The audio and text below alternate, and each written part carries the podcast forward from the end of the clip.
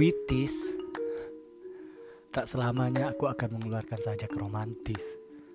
Terkadang aku ingin kritis, mengingatkan kembali pemimpin yang menebar janji-janji manis, agar mendengar suara rakyat yang menangis. Ini bukan kebencian, bukan pula ancaman. Ini adalah sebuah peringatan untuk kalian yang mudah sekali melupakan. Jika terlalu banyak mengkonsumsi coklat atau permen manis, mulut dan gigi akan menjadi kotor, sehingga mudah untuk mengeluarkan janji manis dari mulut yang kotor.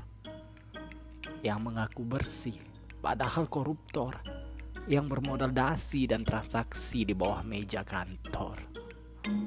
Kalian mungkin tak tahu harga minyak goreng yang mahal, makanya tanggung jawab luput dari akal. Kalian tidak mengenal rakyat miskin yang nafasnya terpenggal-penggal. Mungkin sekarang kalian masih tinggi ego, tapi coba kalian ikut antrian sembako. Rasakan bagaimana letihnya berdiri seharian di depan toko.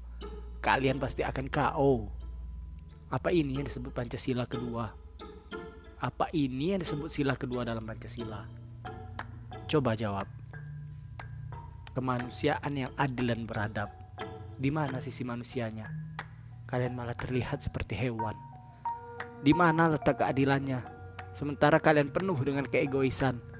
Lalu di mana letak beradabnya yang tampak justru kebiadaban? Kalian itu para perwakilan pengemban amanah. Jangan hanya memikirkan yang di sana. Nasib kami yang di sini bagaimana? Setelah kehidupan dunia, kalian mau ke mana?